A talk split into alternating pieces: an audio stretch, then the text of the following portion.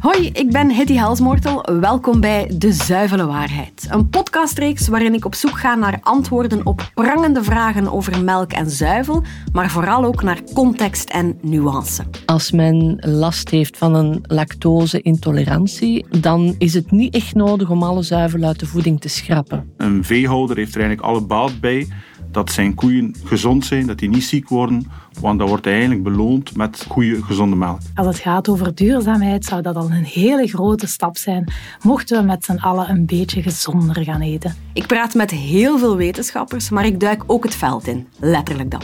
Tussen de koeien, de kaas, de modder en de mest. Gans het bedrijf hè, draait op groene stroom, maar daarnaast eh, leveren wij nog voor een uh, 12, 13 tal gezinnen groene stroom ook. Uh. En ik kook ook met de Messi-chef. Ik neem het liefst een half harde kaas, omdat die toch wel uh, gemakkelijker smelt. Okay. dus dat mag wel een zijn die goed doorsmaakt. Dat past ook het best bij die witloaf met romige van die zoete aardappel. De Zuivele Waarheid. Een podcast over zuivel die kleur en nuance brengt waar momenteel misschien zwart-wit heerst. Hier te beluisteren vanaf 20 september.